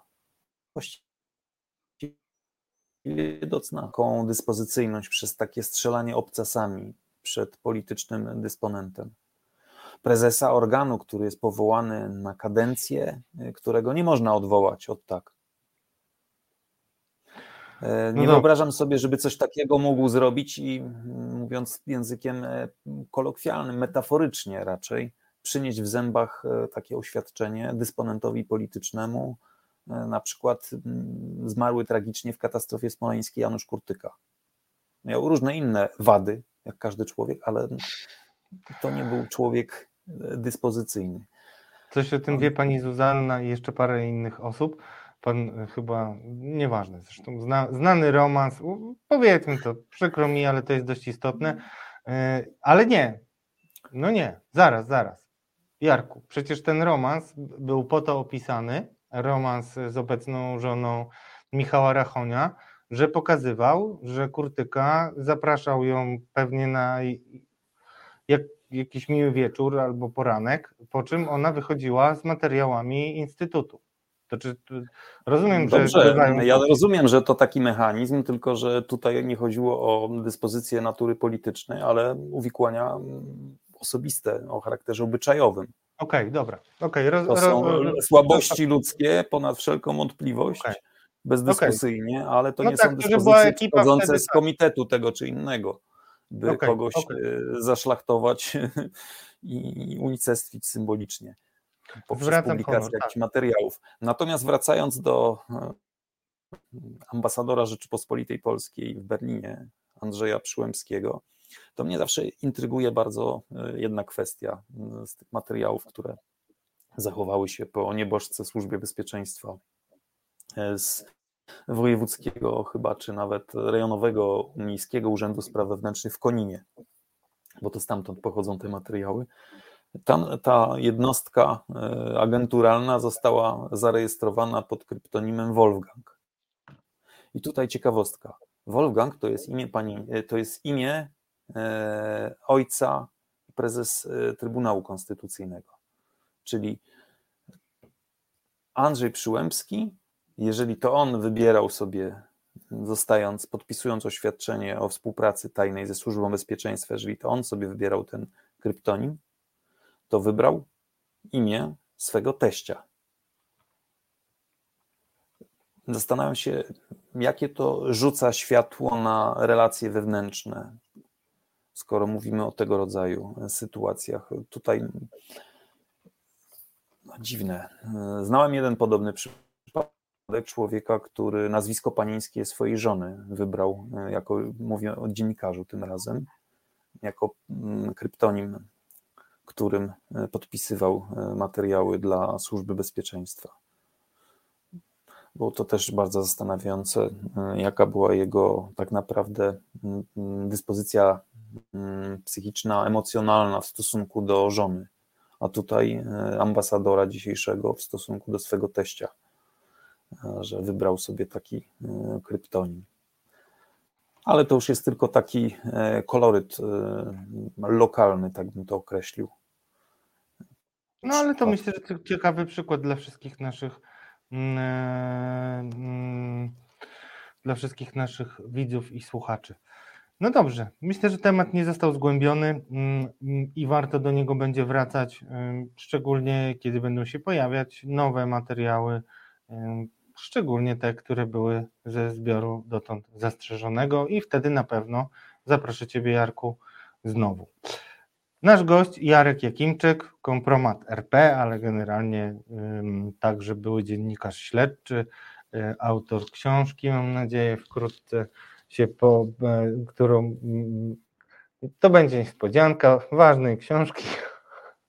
A teraz się już pożegnajmy. Drogi Jarku, bardzo dziękuję Ci za wizytę i obliguję Cię do przygotowania jeszcze kwestii chińskich, bo stałeś się naszym nadwornym komentatorem do spraw służb specjalnych oraz IPN-u. Ja bardzo Cię szanuję i bardzo Ci dziękuję za dzisiejszą wizytę. Dziękuję bardzo. Do widzenia. Do usłyszenia. Do usłyszenia i widzenia też. Drogi Filipie, daj mi teraz y, napić się wody krótko i już zaraz do Państwa wracamy z bardzo bieżącymi y, tematami i z niespodzianką od Blanki Katarzyny Dżugaj, o której już to niespodziance mówiłem. Znudzeni mainstreamowymi newsami? Czas na reset obywatelski, zaangażowane dziennikarstwo. Witam serdecznie Państwa, a teraz ta niespodzianka od Karoliny. Yy, niespodzianka od Karoliny, dobrze. Niespodzianka od Karoliny już była. Jak wiecie, y, szalony prowadzący stracił dla y, Karoliny i Blanki głowę, ale niespodzianka jest od Blanki. Doktor Blanka Katarzyna Dżugaj, y, Kulturazja, też przypominam Wam. I powiem krótko, Karolino I've got you under my skin. Drodzy Państwo, Blanka Katarzyna Dżugaj zrobiła wyjątkową rozmowę z panią doktor Bahar Jalali, tak myślę, której premiera odbędzie się jutro. I teraz o czym jest ta rozmowa, drodzy Państwo?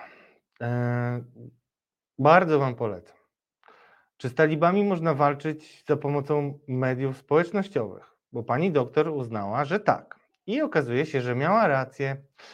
Pani doktor, kim jest pani doktor? Tuż po tym, jak talibowie nakazali studentkom e, nosić burki, zorganizowała kampanię Do Not Touch My Clothes na Twitterze i odważnie nazwała obowiązek noszenia burki atakiem na tożsamość afgańską kilka godzin jej pomysł podchwyciły Afganki niemal na całym świecie, a inicjatorkę obudził telefon od dziennikarzy. Czyli jak widzicie, drodzy Państwo, wszystko, czym reset się zajmuje, ojej, miałem nie pukać, widzicie, to jest wszystko, czym reset się zajmuje i co jest w zakresie naszej działalności, czyli prawa kobiet, Sprzeciw przeciwko, mm, sprzeciw jest z natury przeciwko, sprzeciw wobec przemocy, mm, jaką stosują niegdyś najbardziej brutalni na świecie, zanim pojawiły się orki putinowskie, mm, najbardziej brutalni na świecie e, talibowie. A teraz po prostu zamiast dużo gadać i tracić głowę dla naszych drogich koleżanek, zapraszam na małą próbkę tej rozmowy przed jutrzejszą premierą. Filipie?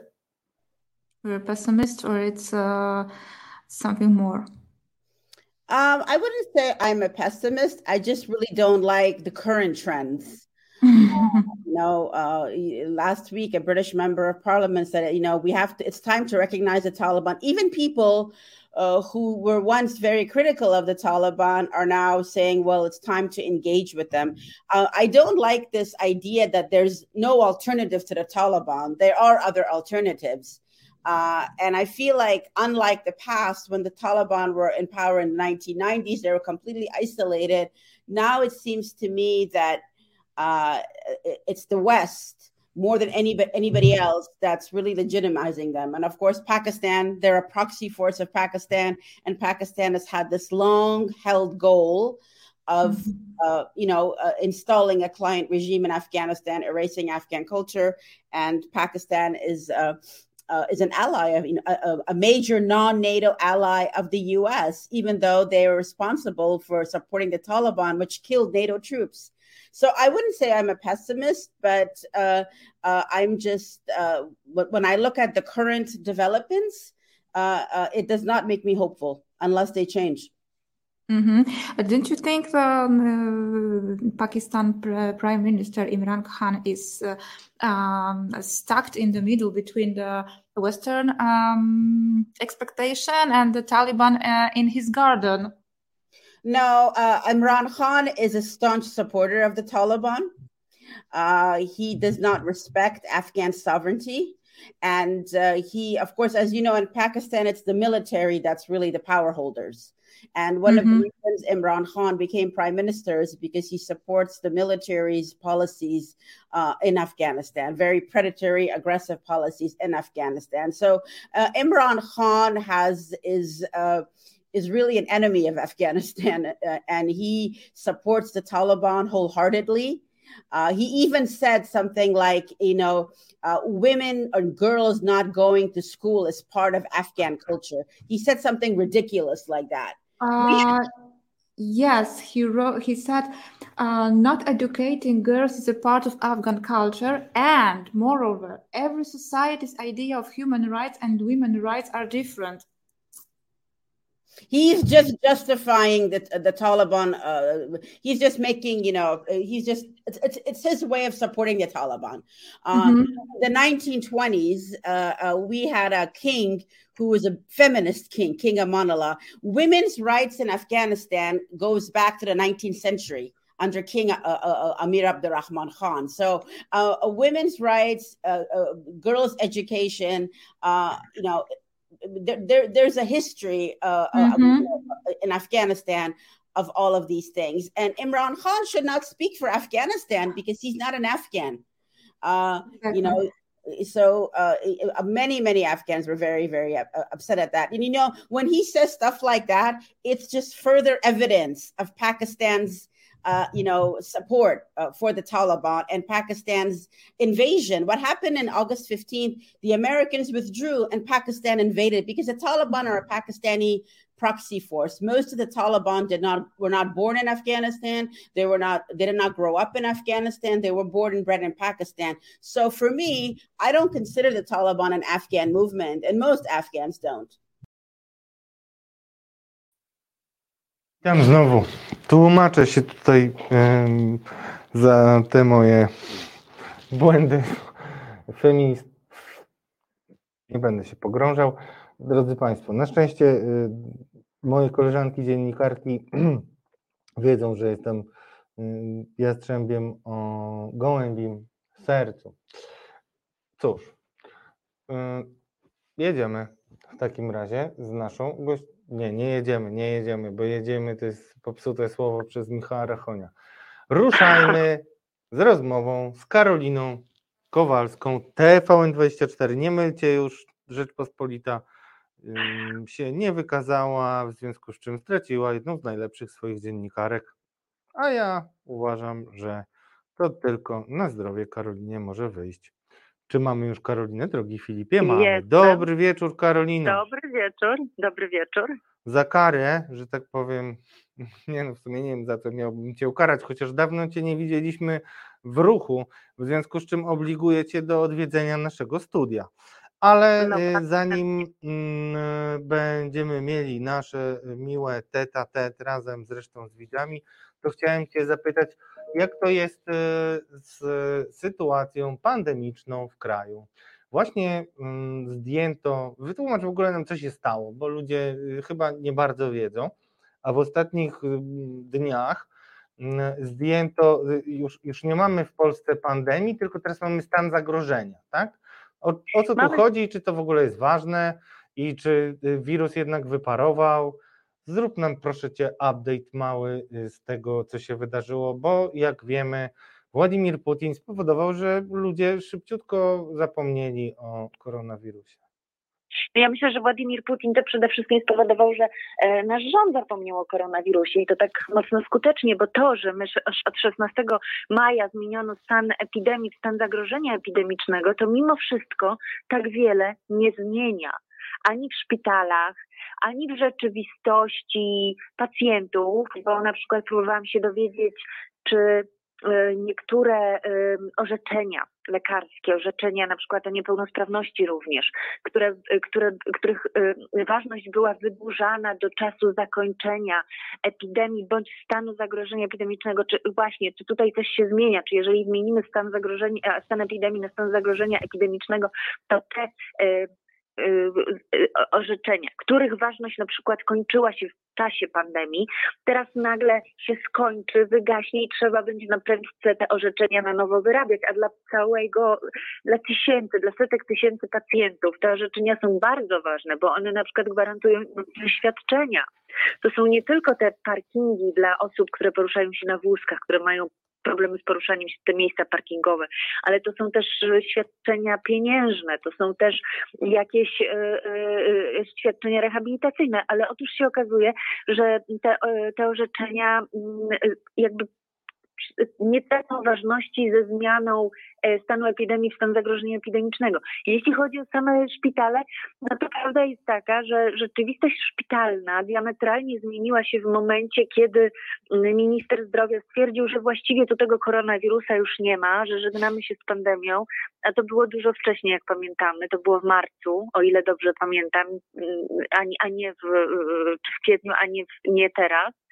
I, I to wtedy zaczęto y, powoli likwidować oddziały covidowe, y, zaczęto mieszać y, chorych na COVID z tymi niecovidowymi. Już zrezygnowano z oddziałów covidowych z różnych izolatek, potem zrezygnowano, pamiętajmy, z testów od 1 kwietnia już nie ma, nie można wysłać e, pacjenta na darmowy test covidowy. Kiedyś, pamiętajmy, że jeszcze półtora miesiąca temu to była nasza rzeczywistość, że podejrzewaliśmy siebie albo e, lekarz nas podejrzewał o zakażenie koronawirusem, mógł nas wysłać na taki test bezpłatny do wymazowni. Pamiętamy te wymazownie, to zapisywanie się.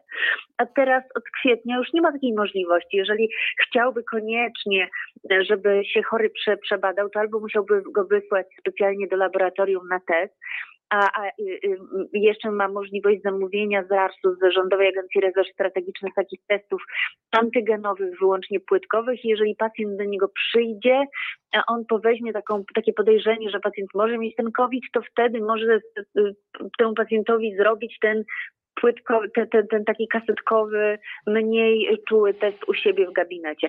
No więc te, jakbym miała mówić, co się zmieniło od przedwczoraj, czyli od 16 maja, kiedy ten stan epidemii się zamienił w stan zagrożenia epidemicznego, to nic się nie wydarzyło.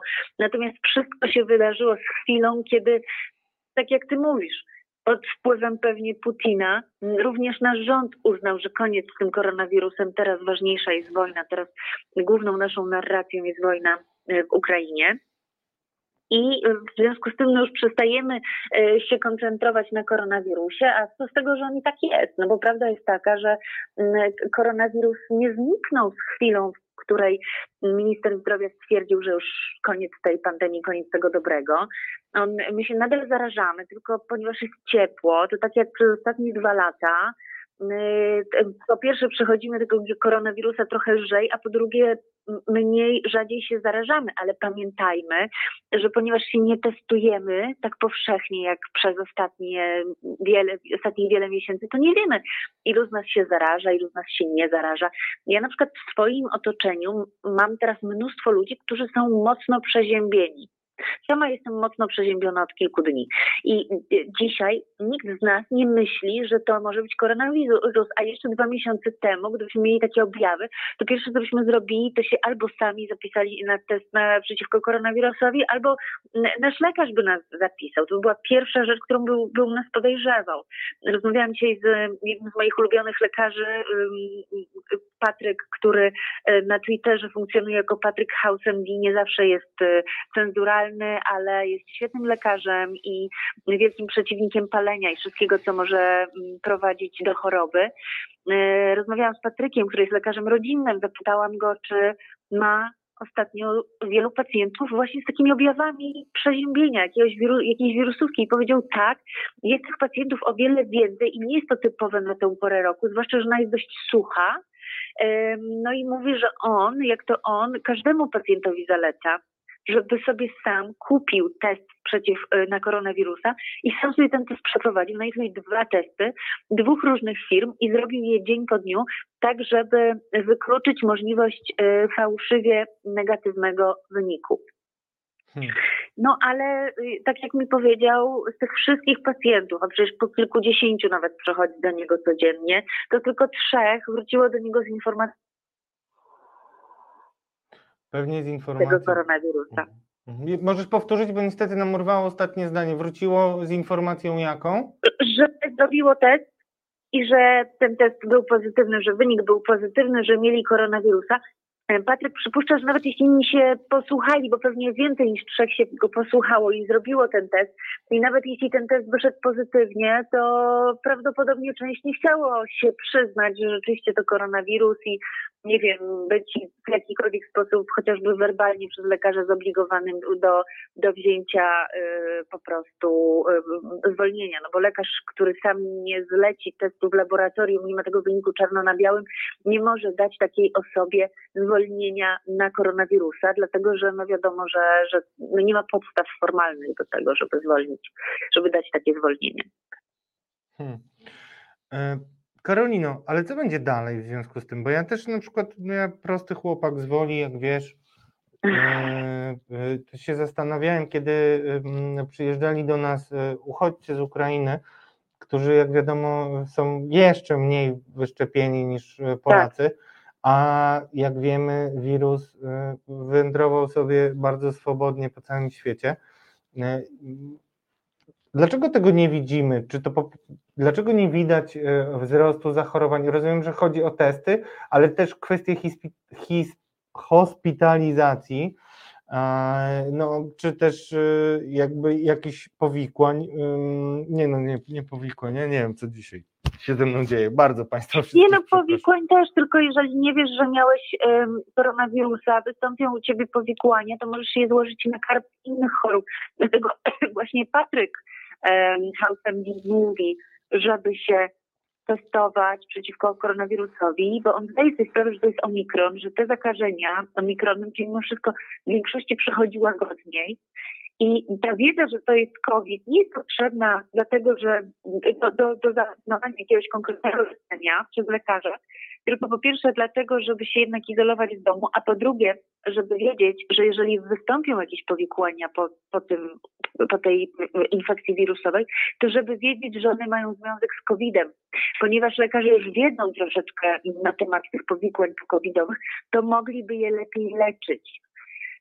W takim, w takim przypadku, kiedy my tych testów nie robimy, bo rząd y, właściwie nas, y, nam to uniemożliwił, tak jak wcześniej bardzo umożliwił, tak teraz nie, no to nie wiemy, czy, czy powikłania, które, na które cierpimy, to, to jest wynik COVID-u, czy może chodzi o co innego i lekarze będą trochę na ślepo szukać innych przyczyn, ym, nie zorientują się, że to COVID.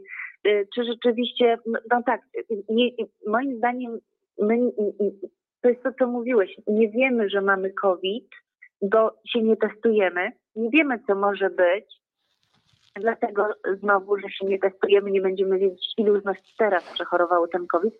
Jeśli chodzi o y, hospitalizację, no to znowu mamy omikron, to jest ta łagodniejsza wersja tego wirusa. On na początku pozarażał i, i, i doprowadził y, y, do hospitalizacji. Osoby, które, mm, które były bardziej narażone na powikłania, czyli osoby starsze, osoby z obniżoną odpornością, to one zimą trafiały do szpitali, one w tych szpitalach dłużej leżały. Natomiast teraz ten, tenże sam omikron, który jest trochę, tak jak pokazały badania, lżejszy niż poprzednie wersje, mm, zakaża ludzi silniejszych, zdrowszych, być może zaszczepionych i dlatego nie ma tych hospitalizacji tak dużo. Poza tym, tak jak przestaliśmy testować w poradniach lekarzy POZ podstawowej opieki zdrowotnej, tak też nie ma takiego masowego testowania w szpitalach. Więc osoby, które leżą w szpitalach i mają y, być może pogor, y, ich stan nie jest taki dobry z powodu COVID-u, aktualnie przechodzonego czy też przebytego niedawno, no to też nie wiedzą, y, y, że, że chorowały na COVID i że to COVID może być po części przyczyną tej hospitalizacji, jakiegoś pogorszenia. Hmm. Czy czeka nas czarny wrzesień, Karolino? Nie wiem, znaczy, mówię szczerze, bo nie wiedzą Kocham tego ludzi, pewnie... którzy mówią, nie wiem, przepraszam Karolina, wiesz, że zawsze to podkreślam. Okej, Ja- dobrze, ja nie zostawmy wiem. czarny wrzesień, bo jeszcze Nie nasza... wiem, ale no. nie wiedzą tego też wirusolodzy, bo taka jest natura wirusa, że y, no, wirus może się dzielić, y, dzieli się o wiele szybciej. Y, re- o, tak, Rozmawiałam niedawno z bardzo mądrym człowiekiem, doktorem nauk farmaceutycznych e, Michałem, Michałem Aleksiejczukiem i on e, powiedział mi, pan, pan doktor nauk farmaceutycznych, że mm, e, jakby wirus zmienia się w toku ewolucji tak samo jak człowiek. Natomiast e, o ile człowiek do, do tego, do, y, po, pokolenie ludzkie trwa kilkadziesiąt lat, o tyle pokolenie wirusa może trwać sekundy. I ten wirus ewoluuje bardzo, bardzo szybko. I być może y, w tej w toku jego ewolucji, no, które, która jakby odpowiada latom świetlnym człowieka, ta ewolucja jego od marca, powiedzmy, czy nawet od maja do września, mogą się y, zadziać różne rzeczy, mogą się wytworzyć różne mutacje. Ten wirus może się osłabić, ale może też stać się o wiele bardziej, y, y, o, o wiele mocniejszy, o wiele bardziej zjadliwy dla człowieka. Dlatego trudno powiedzieć, bo to jest loteria, co się stanie w toku tej, tego rozwoju wirusa, w toku tej ewolucji.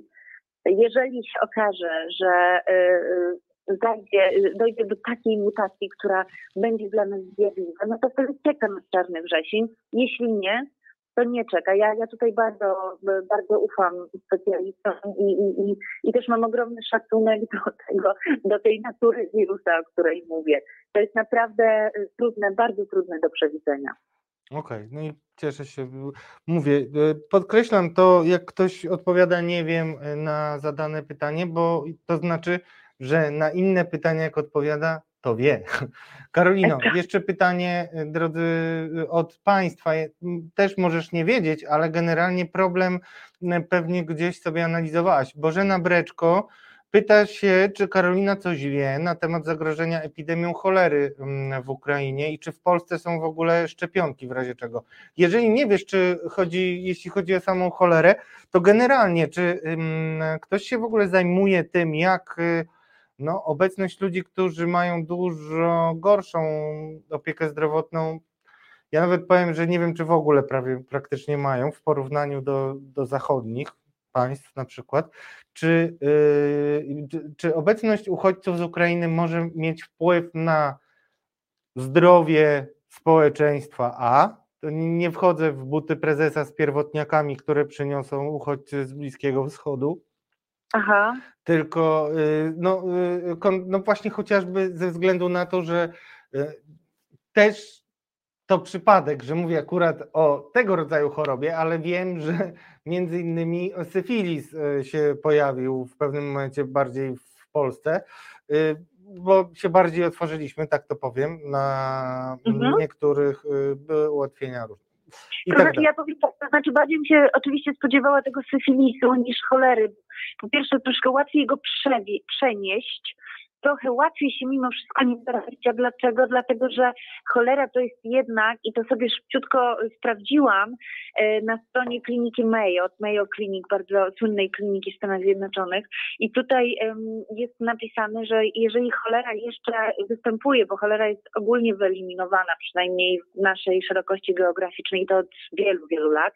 Natomiast rzeczywiście występuje e, w Afryce, w e, południowo-wschodniej Azji i na Haiti. Natomiast e, no, e, ryzyko wystąpienia epidemii cholery jest najwyższe w warunkach wojny, ubóstwa i takich naturalnych katastrof. Ale jest jeszcze jedna, jeden warunek, to też jest klimat, tak? I, I pamiętajmy, że jednak mimo, mimo tego, że na Ukrainie szaleje wojna, no to tam nie występuje to skrajne ubóstwo i skrajne zniszczenie. I wydaje mi się, bo nie słyszałam, i mówię tu nie wiem, ale oczywiście to sprawdzę, nie słyszałam o występowaniu przypadków cholery na Ukrainie. Ale też, jeżeli miałabym e, mówić ze swojego doświadczenia, czy też ze swojej wiedzy biologicznej, która przyznaję zatrzymała się na etapie rozszerzonej matury z biologii, e, to, to Ty wydaje przynajmniej mi się, miałeś rozszerzoną, przepraszam, ale cię nie widzę, No, więc muszę wchodzić. mój drogi, no bardzo, powiedzmy, że klasę przygotowującą na medycynę, więc w pewnym momencie tej biologii było 6 godzin w tygodniu, więc ja, ja tak sobie mówię, że ta moja wiedza biologiczna jest jednak mimo wszystko ponadprzeciętna, y, ponadpodstawowa na pewno, natomiast wydaje mi się, że trudno by było te bakterie cholery przenieść skutecznie do Polski, tak żeby ta cholera miała nam zagrażać, ale oczywiście się dokształcę. To jest bardzo ciekawy temat. Zapytam e, e, e, specjalistów zakaźników, specjalistów od chorób tropikalnych i rysuję tekst na ten temat, bo to jest bardzo ciekawe zagadnienie. Wydaje mi się, że nie jest to możliwe, żeby nawet jeżeli gdzieś jakieś takie ognisko tej cholery, o czym przyznaję, nie słyszałam, się pojawiło w Ukrainie, żeby mogła ta cholera zostać do nas przeniesiona, ale no mówię, nie jestem specjalistą. E, natychmiast się dokształcę w tym, jakby zadam to pytanie, bo jeżeli takie pytanie się pojawia, to znaczy, że trzeba rzeczywiście e, no, zgłębić ten temat. Tutaj jeszcze na stronie e, kliniki Mayo jest napisane, że no, głównym źródłem tego zakażenia są zainfekowane zbiorniki wodne, takiej wody powierzchownej i, wody ze studni, także owoce morza, świeże owoce i warzywa, czy też ziarna, no ale to znowu to i oczywiście czynnikami ryzyka są złe warunki sanitarne, czy też kwestia tego, że, że ktoś absolutnie nie ma kwasu żołądkowego w swoim żołądku i tak dalej. No, natomiast uważam, że no, póki co nie ma co się y, bać, y, że ta cholera ewentualna do nas dotrze. Ale mówię, uzupełnię tę wiedzę. Okej. Okay. No, w Anglii się właśnie ostatnio, jak wiemy, małpia ospa pojawiła, więc dlaczego nie zadać pytania o cholerę? No tak, o, ospa, mój przy, kolega, mój syn mojej przyjaciółki Franek też zachorował na ospę, także to nie jest taka jakaś abstrakcja. Ale nie małpią, prawda? Bo małpia ospa to żeby y, y, to, to, y, to jest z grupy, to właśnie niedawno pisałam, coś mogę powiedzieć, z grupy wirusów ospy prawdziwej, a, a ospa wietrzna, na którą my chorujemy, czy chorują nasze dzieci, która istnieje jakby w, w, naszej świadomości, różni się znacznie, też różni się grupą wirusów od tak zwanej ospy prawdziwej. Ostatnia epidemia tej ospy prawdziwej występowała w latach 50. Ta ospa została eradykowana na szczęście. Ona była bardzo poważną chorobą, wręcz śmiertelną. E, także Karolina, musimy kończyć niestety, bardzo Cię przepraszam. Bardzo Ci dziękuję za dzisiejszą wizytę. I mogę Ci powiedzieć, że Bożena, która o to pytała, stwierdziła, że mer Mariupola mówił, że jest zagrożenie cholerą, ale to rozumiem, że pewnie głównie w Mariupolu, ale jak słyszeliście, Karolina przyjęła pracę domową, nie moja wina, Bożena Breczko jest zleceniodawcą, a ja Ci bardzo dziękuję tak. Karolino i musisz do nas przyjść z bardzo prostego powodu, bo masz nieaktualne zdjęcie ze swoim nieaktualnym pracodawcą, gratuluję Ci zmiany barw dziękuję. i cóż, to nie ma sensu. Ja dziękuję już... Pani Bożenie za, za pracę domową, odrobię ją i myślę, że wszyscy się chętnie tego dowiemy. Tak. jak, jakie jest zagrożenie tą cholerą i w Ukrainie i, i, i ewentualnie u nas w Polsce. Dziękuję Ci bardzo Karolino, widzę Cię w studiu na, na, następnym razem, obiecaj.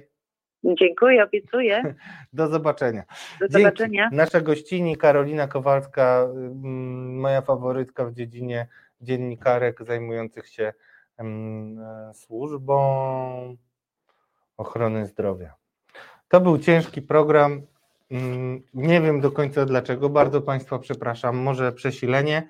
Jeszcze raz pięknie występuję i pięknie Wam rekomenduję bez wstydu. I dla tego kadru mm, kończymy katarzis. Do zobaczenia jutro w programie Bez wyjścia. Cześć.